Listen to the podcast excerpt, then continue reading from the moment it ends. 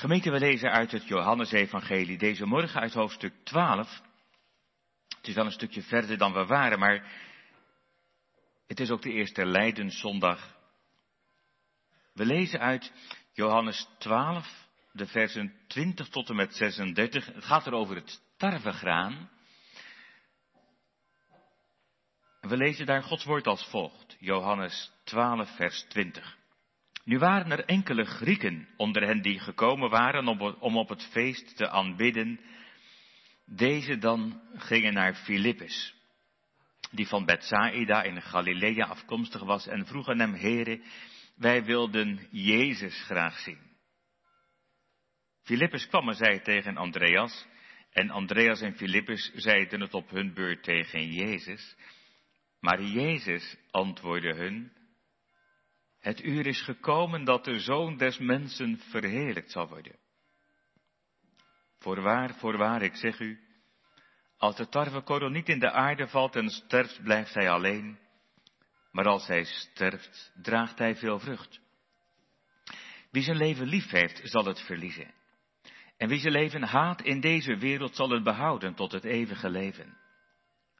Als iemand mij dient, laat hij mij volgen. En waar ik ben, daar zal ook mijn dienaar zijn. En als iemand mij dient, zal de Vader hem eren. Nu is mijn ziel in beroering. En wat zal ik zeggen? Vader, verlos mij uit dit uur. Maar hierom ben ik in dit uur gekomen. Vader, verheerlijk uw naam. Er kwam dan een stem uit de hemel en ik heb hem verheerlijkt en ik zal hem opnieuw verheerlijken. De menigte dan die daar stond en dit hoorde, zei dat er een donderslag geweest was. Anderen zeiden, een engel heeft tot hem gesproken. Jezus antwoordde en zei, niet voor mij is deze stem er geweest, maar voor u. Nu wordt het oordeel over deze wereld voltrokken. Nu zal de vorst van deze wereld buiten geworpen worden. En ik, als ik van de aarde verhoogd ben, zal hen allen naar mij toetrekken. En dit zei hij om aan te duiden welke dood hij zou sterven. De menigte antwoordde hem, we hebben uit de wet gehoord dat de Christus tot in eeuwigheid blijft. En hoe kunt u dan zeggen dat de zoon des mensen verhoogd moet worden? Wie is die zoon des mensen? Jezus dan zei tegen hen, nog een korte tijd is het licht bij u. Wandel zolang u het licht hebt, opdat de duisternis u niet overvalt. En wie in de duisternis wandelt, weet niet waar hij heen gaat. Zolang u het licht hebt, geloof in het licht, opdat u kinderen van het licht mag zijn. Deze dingen sprak Jezus en hij ging weg en verborg zich voor hen. De tekst voor de preek is vanaf vers 24, waar Jezus zegt, voorwaar, voorwaar, ik zeg u, als de tarwekorrel niet in de aarde valt en sterft, blijft hij alleen. Maar als hij sterft, draagt hij veel vrucht. En het thema voor de preek is de les van het tarwegraan. De les van het tarwegraan, Johannes 12, vers 24. Gemeente, de lijdenstijd betekent dat we ons in het bijzonder concentreren op het lijden en het sterven van Christus. Ja, waarom een speciale tijd daarvoor? De laat maar heel nuchter houden. Juist dat lijden van Christus, dat is iets wat zo makkelijk uit de aandacht verdwijnt. Dat lijden van Christus, dat is ook iets waar de wereld niets mee kan. En tegelijkertijd wat de kerk telkens opnieuw moet leren. Wat dat betekent.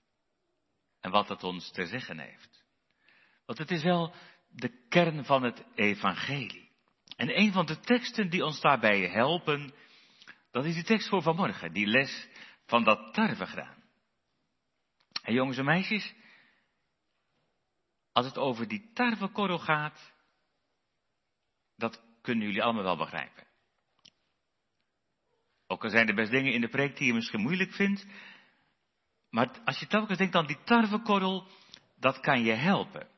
Want het is nog even, dan, dan wordt het voorjaar, dan wordt er weer gezaaid in de akkers. Maar misschien wel in je tuintje, misschien heb je zelf wel een zaadje of eh, een zakje met zaad of iets anders. Dan mag je ook wat zaaien. Nou, dat kan over een poosje weer gebeuren. En, en daar in Israël, daar zie je in gedachten zo'n boer, zo'n landbouwer over het land. Ze hadden in die tijd natuurlijk nog geen trekkers. Dat gebeurde met de hand. En om de middel heeft zo'n zo'n boer dan een zak met zaad, met tarwekorrels. En met beide handen neemt hij daaruit en dan werpt hij dat zaad zo voor zich uit over de akker. Zo wordt heel dat land, heel die akker ingezaaid. En al die tarwekorrels vallen in de vers geploegde aarde. En dat zaad, ja, dat, dat, dat verdwijnt tussen dat zand ergens in die grond. Op het eerste gezicht lijkt het alsof die zaaier dat zaad weggooit.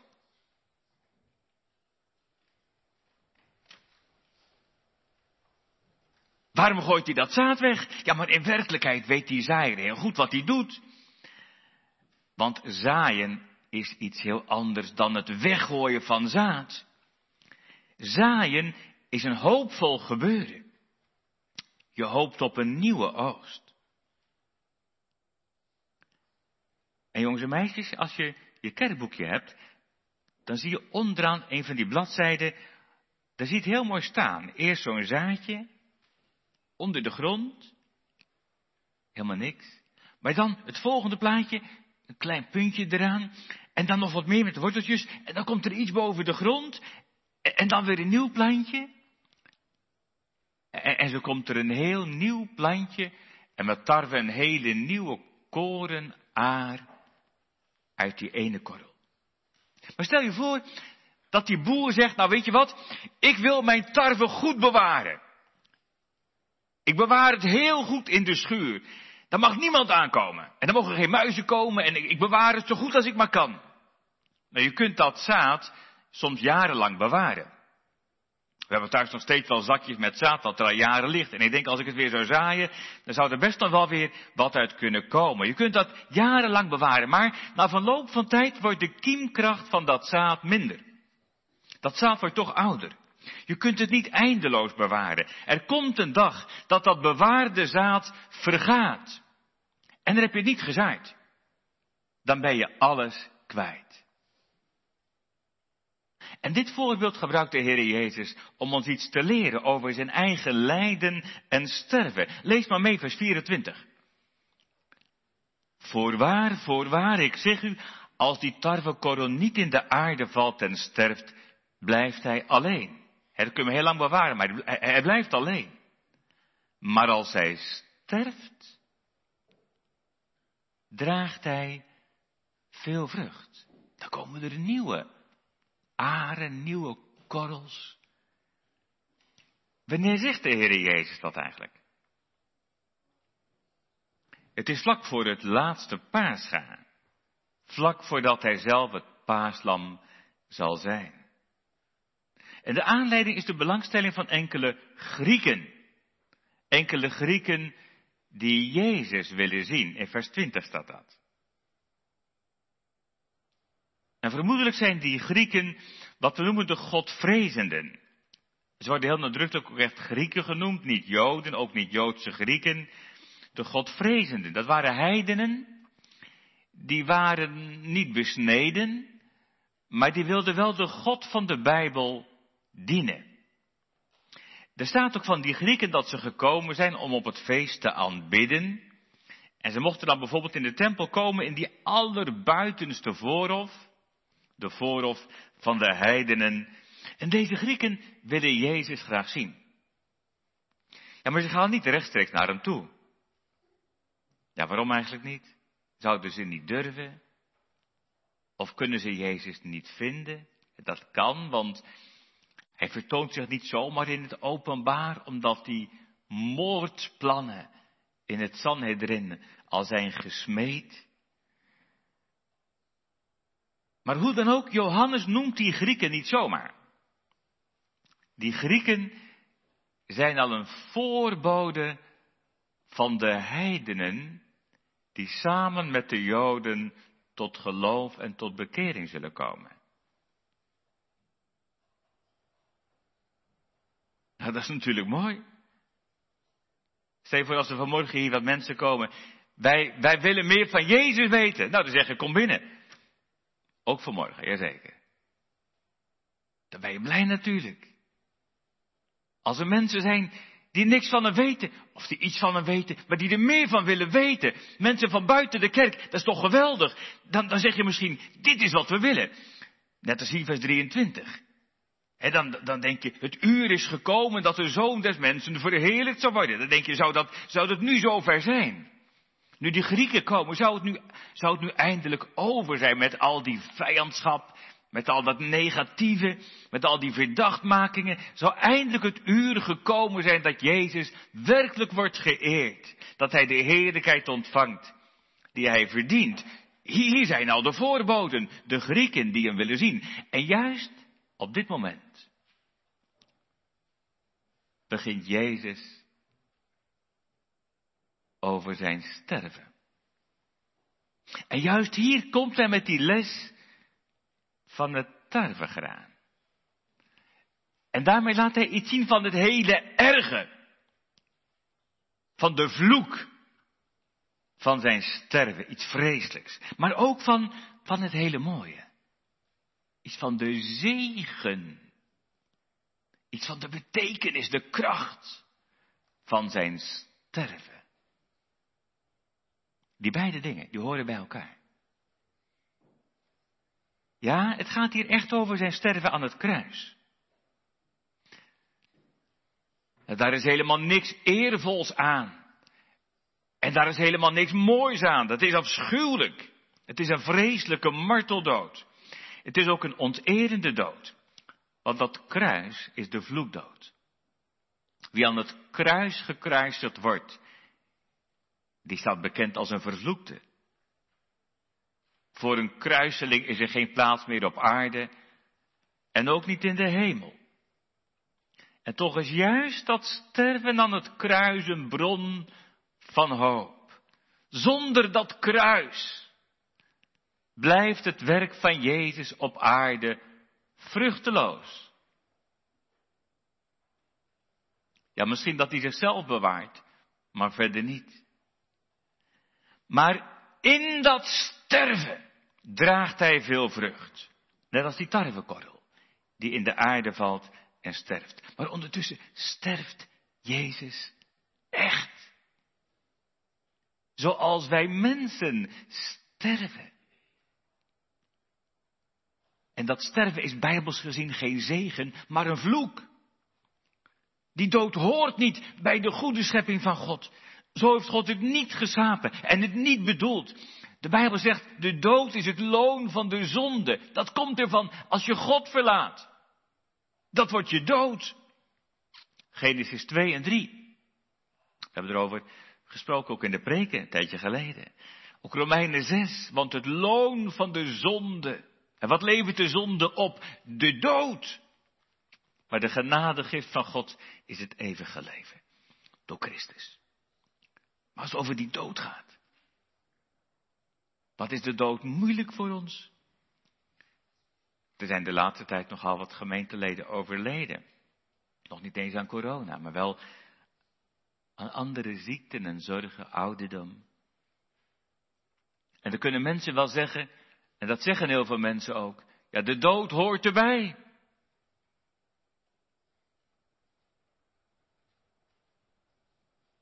Maar een gezond mens wil helemaal niet sterven.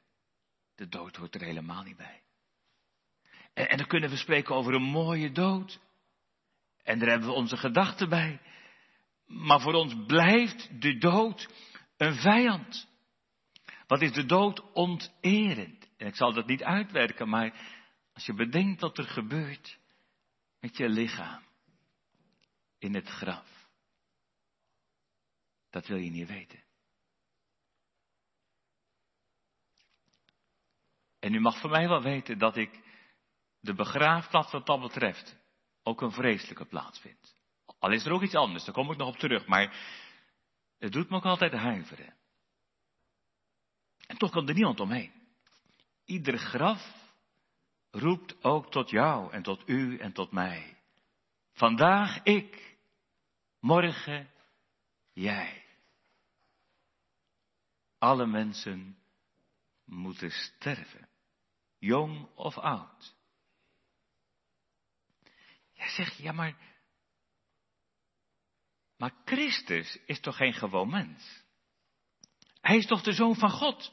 Hij is waarachtig God. Hij is mens geworden om te sterven. Ja, maar hij is toch geen zoon van Adam? Hij heeft toch niks verkeerds gedaan? Inderdaad, de enige die werkelijk zonder zonde is, de enige mens zonder schuld, dat is Jezus. Hij hoeft niet te sterven om zonde van zichzelf, het loon van de zonde. Nou, daar hoef je bij hem niet over te beginnen, want hij heeft geen zonde gedaan. Hij sterft niet om de zonde van zichzelf, maar om de zonden van ons. Zijn sterven is niet zijn verdiende loon, maar ons verdiende loon. Het is niet zijn, maar onze straf. Begrijpt u wat ik bedoel? Dat sterven van Christus confronteert ons met onze schuld. Dat is nooit leuk om te horen. Maar daar kun je niet omheen om de betekenis van dat sterven te verstaan. Dat sterven van Christus confronteert ons met onze vloek, met onze verlorenheid. Wat is dat voor ootmoedigend? Dat laat de Heilige Geest je zien. Dat overdenken van Christus. Dat heeft een verootmoedigende betekenis. Dat breekt mijn hart. Dat Hij moest sterven om wat ik heb uitgevreten. Dat Hij moest sterven omdat mijn hart onrein is. Dat hij moet sterven om mijn ongeloof, om mijn twijfel. Dat hij moet sterven om mijn dubbelhartigheid, om mijn hooghartigheid, die akelige trots, die vreselijke lauwheid, die akelige hebzucht, die leugentjes, die oneerlijke belastingaangifte, mijn zondige verlangens, mijn schuld, die ruzie van mij. Moet hij werkelijk sterven? Kan hij daar niet onderuit? Hij had toch bij zijn vader in de hemel kunnen blijven. Dan had hij niet hoeven sterven. Hij had ervoor kunnen kiezen om niet als mens geboren te worden en om niet als mens te sterven. Maar, maar zegt Jezus, als ik bij mijn vader in de hemel was gebleven, dan was mijn leven wel bewaard, net als die ene tarwekorrel. Maar, zegt Jezus, dan zou er hier op aarde geen vrucht zijn. En, en dan vraagt hij, begrijpt u wat dat betekent? Dan had hij zijn eigen leven wel gered. Maar dan zouden wij reddeloos verloren zijn.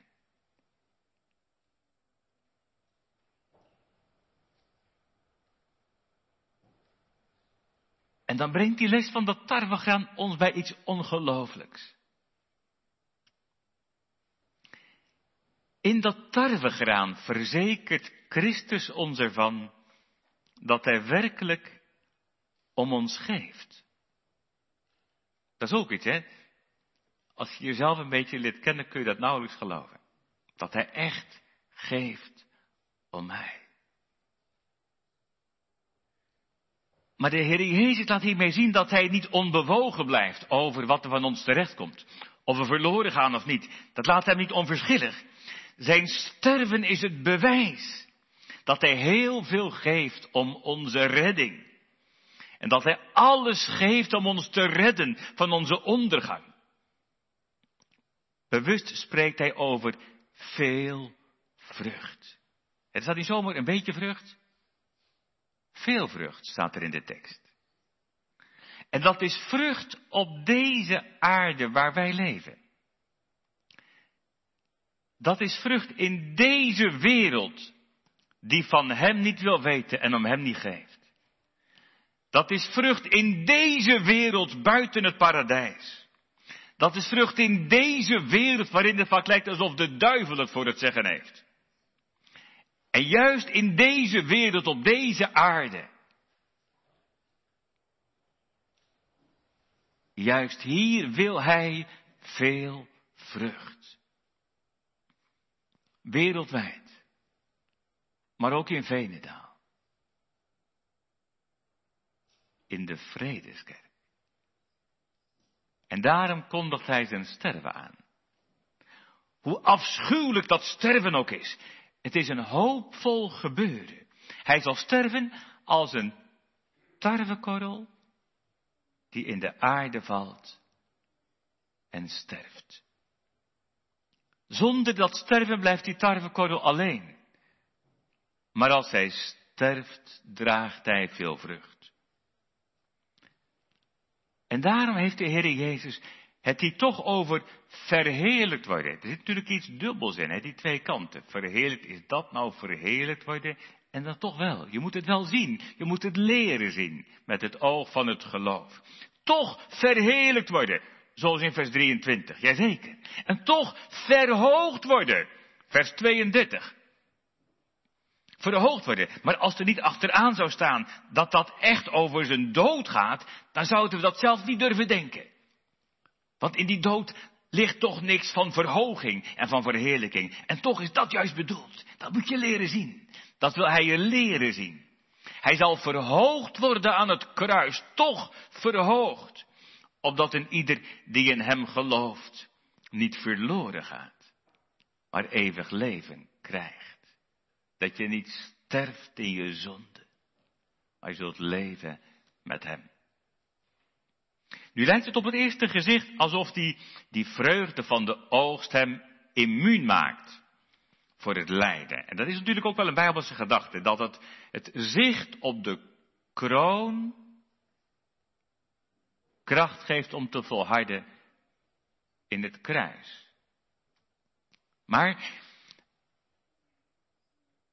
maar dan kun je ook te ver mee gaan, zo van, nou ja, alsof het voor Jezus allemaal zo erg niet was. Alsof het geen verschrikking voor hem was. Hier maakt Jezus geen geheim van zijn angst en van zijn ontzetting. Hij erkent dat ronduit, dat hij er bang voor is. Dat het hem in verwarring brengt.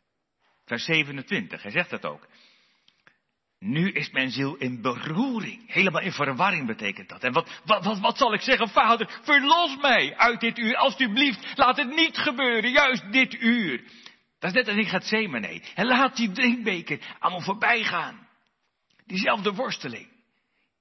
En, en je ziet in gedachten zijn bloed, zijn zweet, zijn tranen. En, en niet alleen voor die pijn, die vreselijke pijn van de kruisiging. Dat kun je wel begrijpen. Maar ook voor dat, dat allerergste, voor die vloek van dat kruis. Dat door zijn eigen vader verlaten wordt. Er is niets ergens voor hem dan door zijn vader verlaten worden. Wat zal ik zeggen, vader, verlos me uit dat uur, alstublieft. En, en dan toch. Juist hier is een vastberadenheid. Ook vers 27. Want het gaat door. Maar hierom ben ik in dit uur gekomen. Met alles erop en eraan. Hier ben ik voor gekomen, zegt hij. Hij trekt zich niet terug. Maar hij volhardt tot het eind. En dan zie je iets heel moois. Want wat doet hij? Dan richt hij zich op de eer van zijn vader. Dat is nou ook weer zoiets. Als je om God niet geeft, dan zeg je dat niks. Maar als je de vader lief krijgt, dan begrijp je dat een klein beetje. Dat, dat, dat hem dat helpt. Dat hem dat weer richting geeft. Daar is hij voor gekomen, voor de eer van zijn vader. Want zijn vader is zo groot, zo goed, die is alle eer waard. En als zijn vader maar geëerd wordt, dan is het goed. Dan komt het goed, dat weet hij. En daarom richt hij zich op de eer van zijn vader. Verheerlijk uw naam, want dat is het allerbeste. Dan komt het goed. Dat weet hij. En, en des te meer concentreert hij zich op het resultaat. Dat is natuurlijk in dat tarwegraan. Maar, maar ook in vers 31, dan, dan zien we het met heel andere woorden. Het resultaat van dat begraven worden, van dat sterven. Want wat zegt hij dan in 31? Dan zegt u nu, en dat komt nu met dat kruis, nu wordt het oordeel over deze wereld voltrokken. En dan zou je kunnen denken, dan, dan is het voor ons verloren. Dat hebben wij verdiend. Maar wat zegt hij? Nu zal de vorst van deze wereld buiten geworpen worden. Dat is de duivel. Die duivel wordt genoemd de vorst van de wereld. Niet alsof hij hier recht van spreken heeft, want hij is niet meer dan een indringer, dan een dief, die de macht heeft gegrepen, maar onwettig, een tiran, die eruit geknikkerd wordt. Hij doet wel alsof hij Heer en Meester is, maar op Golgotha zal Christus hem te pakken nemen. Dan zal die, dat is weer die beeldspraak uit Genesis 3, zo'n kop vermorzelen. Dan wordt hij eruit gezet. Dan zal Christus vieren. Dat heeft alles te maken met die rijke vrucht in de tekst. En, en, en dan gaat die vrucht niet alleen over het Joodse volk, maar ook over de Grieken. Daar begonnen we mee. Hier zijn niet die Grieken die belangstelling hebben. Maar Jezus heeft er al meer over gesproken. Als je een hoofdstuk of twee terugbladert, Johannes 10, vers 16, over die herder, dan zegt de Heer Jezus, ik heb nog andere schapen. Niet de Joodse schapen, maar de heidenen. Andere schapen, net als die Grieken, die niet van deze schaapskooi zijn, die moet ik ook binnenbrengen. En het zal worden één kudde en één herder. En datzelfde zegt hij eigenlijk ook weer in hoofdstuk 12. Lees maar mee. In 32. Daar zegt hij, als ik van de aarde verhoogd ben, en dat is echt in, aan, dat kruis, dat staat in 33, als ik van de aarde verhoogd ben, zal allen naar mij toetrekken. Dat is die vrucht. Die rijke vrucht. En, ook later in het hoge priestelijke gebed. Ik bid niet alleen voor deze, maar ook voor allen die door hun woord in mij zullen geloven. Dat sterven zal veel vrucht voortbrengen. Zo zegt Jezus het zelf. En zo, zo wil hij dat wij het zeggen. Dan wil ik u vanmorgen vragen. Wat stelt u zich daarbij voor? Bij die vele vrucht.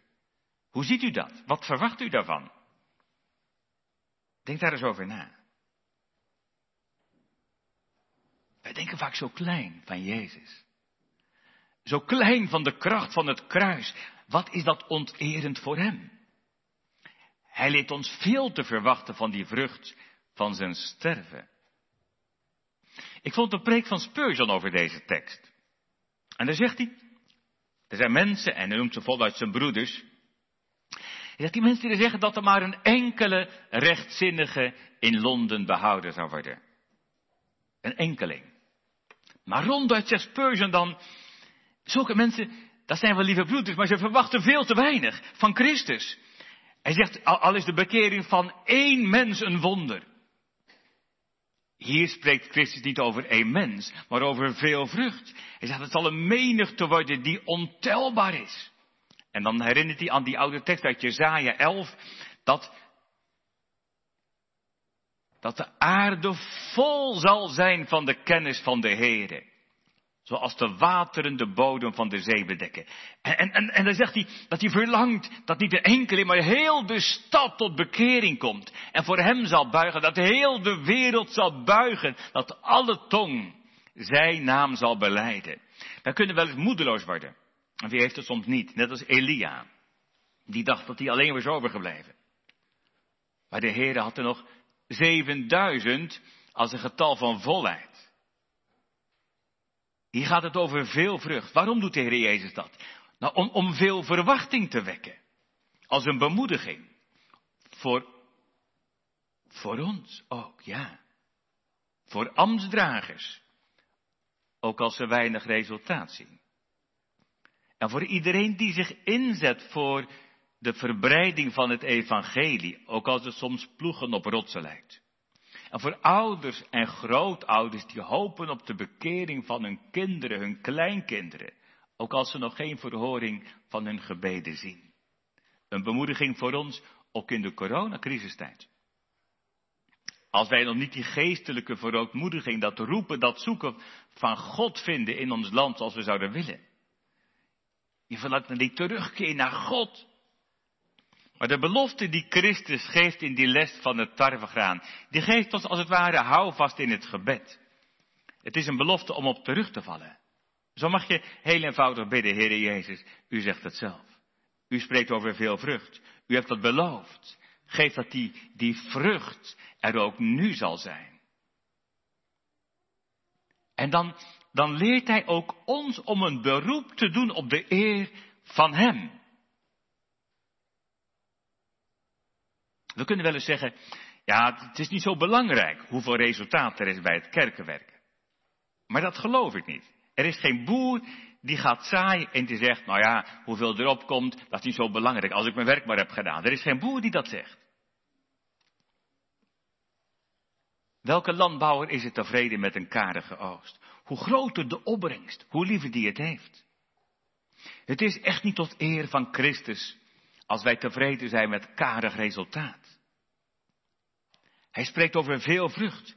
Want die overvloedige vrucht is tot eer van hem en van zijn vader. Dan mag je een beroep op doen. Het is toch tot eer van u. En het is toch, toch, toch niet tot eer van u. Als het maar een enkeling zal blijven. Het gaat over veel vrucht. Maar dan nog een, een ander element. Het gaat hier wel over echte vrucht. Echte vrucht. Het gaat niet over lege halmen of waardeloze vrucht. Het gaat over echte vrucht. De Heer Jezus heeft het over echt geloof, echte bekering. Dat merken we in het vervolg. In vers 25 bijvoorbeeld. Daar zegt de Heer Jezus, wie zijn leven lief heeft, zal het verliezen. En wie zijn leven haat in deze wereld, die zal het behouden tot het eeuwige leven.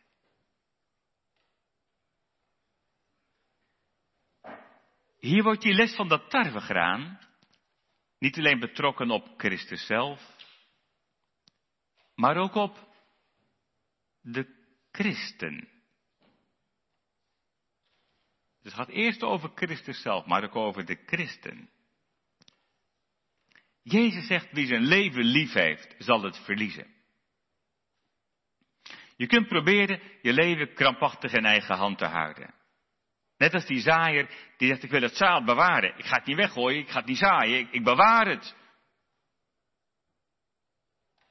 Maar als je, als je leven niet sterft, zoals dat tarwezaad, dan zul je het verliezen, zegt Jezus. Je leven liefhebben. Daar bedoelt u mee je leven liefhebben zonder Christus. Je leven liefhebben, dat is je oude leven zonder Hem. Je leven liefhebben, dat is alles uit het leven willen halen, maar zonder Christus. Zonder je leven te verliezen aan Hem.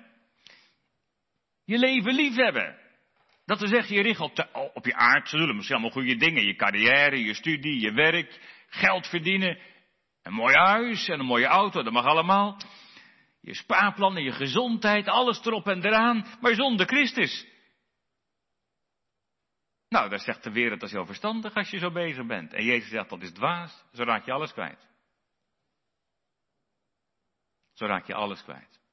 Dat net als die boer die zegt, ik hou dat tarwekorreltje goed vast en ik ga het niet zaaien. Nou, dan kun je het een poosje vasthouden. Maar je raakt het vroeg of laat kwijt.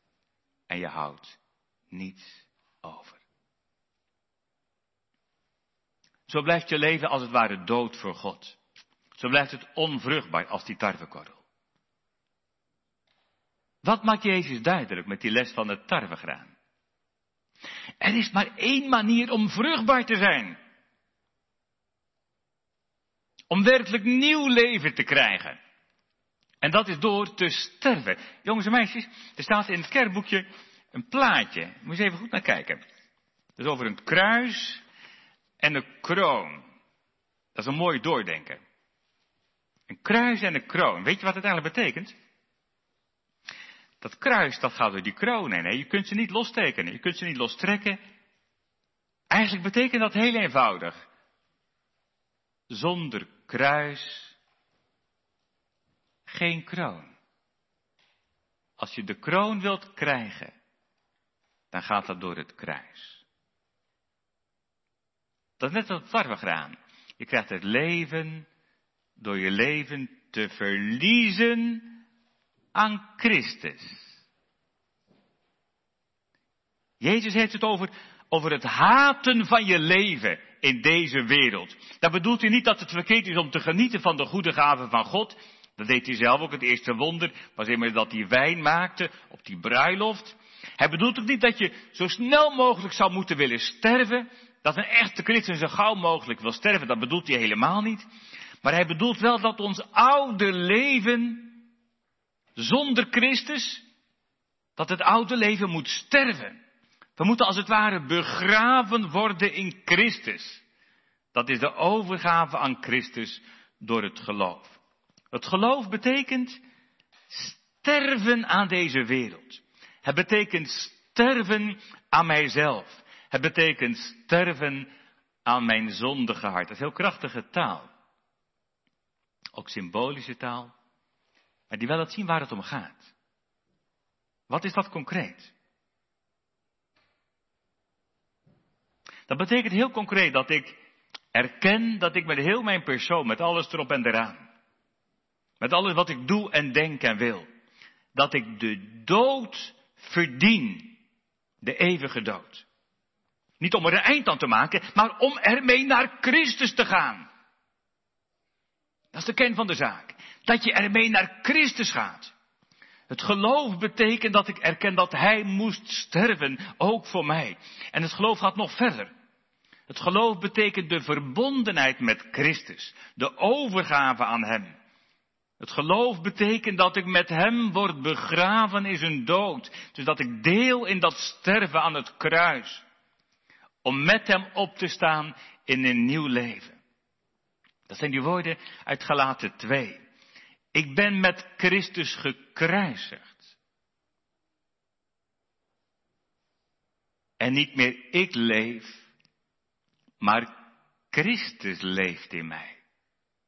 En voor zover ik nu in het vlees, in het lichaam leef, leef ik, leef ik door het geloof. In Hem die mij heeft liefgehad en zich voor mij heeft overgegeven. Daar gaat het hier om. Met Hem gestorven.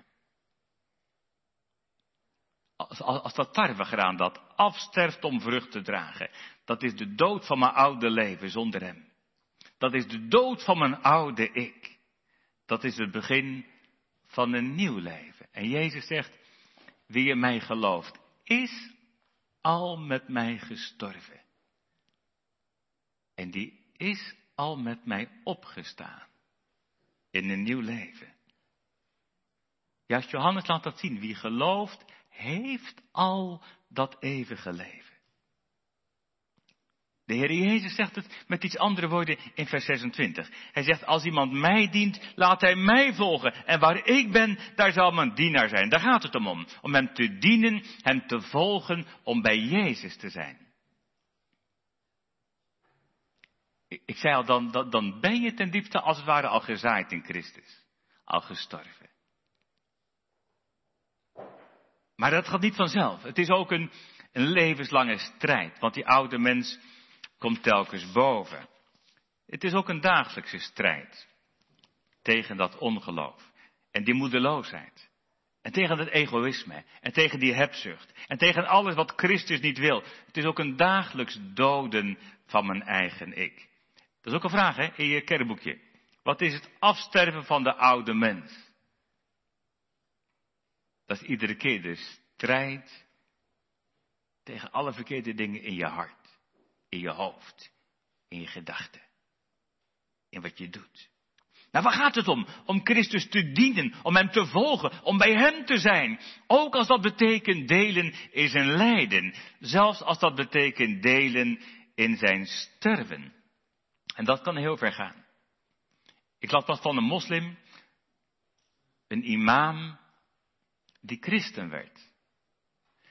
En deze moslim werd bedreigd Op een dag kwamen zijn overvallers. En als deze ex-moslim Christus zou afzweren, dan zou hij vrij kunnen gaan en staan waar hij wilde. Maar als hij bleef bij Christus, dat zou zijn dood worden. En toch wist deze man liever sterven met Christus dan verder leven zonder hem. Want wist hij zonder Christus, dat is uiteindelijk geen leven. Zonder, zonder Jezus kan ik niet leven en kan ik ook niet sterven. Zonder Jezus is sterven het ergste wat er is. Maar met Christus hoef ik niet bang te zijn. Met Christus hoef ik niet bang te zijn voor de dood. Met Christus wordt zelfs het begraven van het lichaam een hoopvol gebeuren. Als je afgelopen week bij het graf stond, of in de, in, in de tijd daarvoor, dan, dan, dan, dan, dan mag je er iets van merken. Hoe, hoe afschuwelijk een begraafplaats ook is. Het heeft ook iets, iets hoopvols waar het evangelie klinkt. Want dat begraven van het lichaam is als het zaaien van een zaadje. Dat lichaam wordt wel begraven in de aarde, maar dat is niet het laatste. Dat lichaam wordt gezaaid in de verwachting van de opstanding. Er zal een nieuw lichaam opstaan, net zo zeker als het lichaam van Christus is opgestaan uit de dood. Wat een dag zal dat zijn. Daar moet ik ook wel eens aan denken. Op de Munnikenhof. Wat een gezicht zal dat zijn. Als Jezus komt. Als al die graven open gaan. Maar ook de graven waar wij geen graven meer vinden. Wat een dag zal dat zijn. Ook dat is vrucht van het sterven van Christus. Hoor, Voorwaar, voorwaar, ik zeg u, als die tarwekorrel niet in de aarde valt en sterft, blijft hij alleen. Maar als hij sterft, draagt hij veel vrucht. Ja, veel vrucht. Openbaring 7.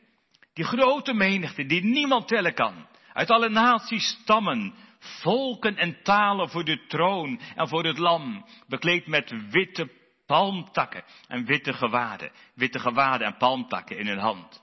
En zij aanbaden God. Hoe kom je daar? Wat zegt Jezus? Vers 26. Als iemand mij dient, laat hij mij volgen. En waar ik ben, zegt Jezus, daar zal ook mijn dienaar zijn. U, jij, die Hem verlangt te dienen. Achter Jezus. Kom je daar? Dat is vrucht van zijn lijden en sterven. Amen.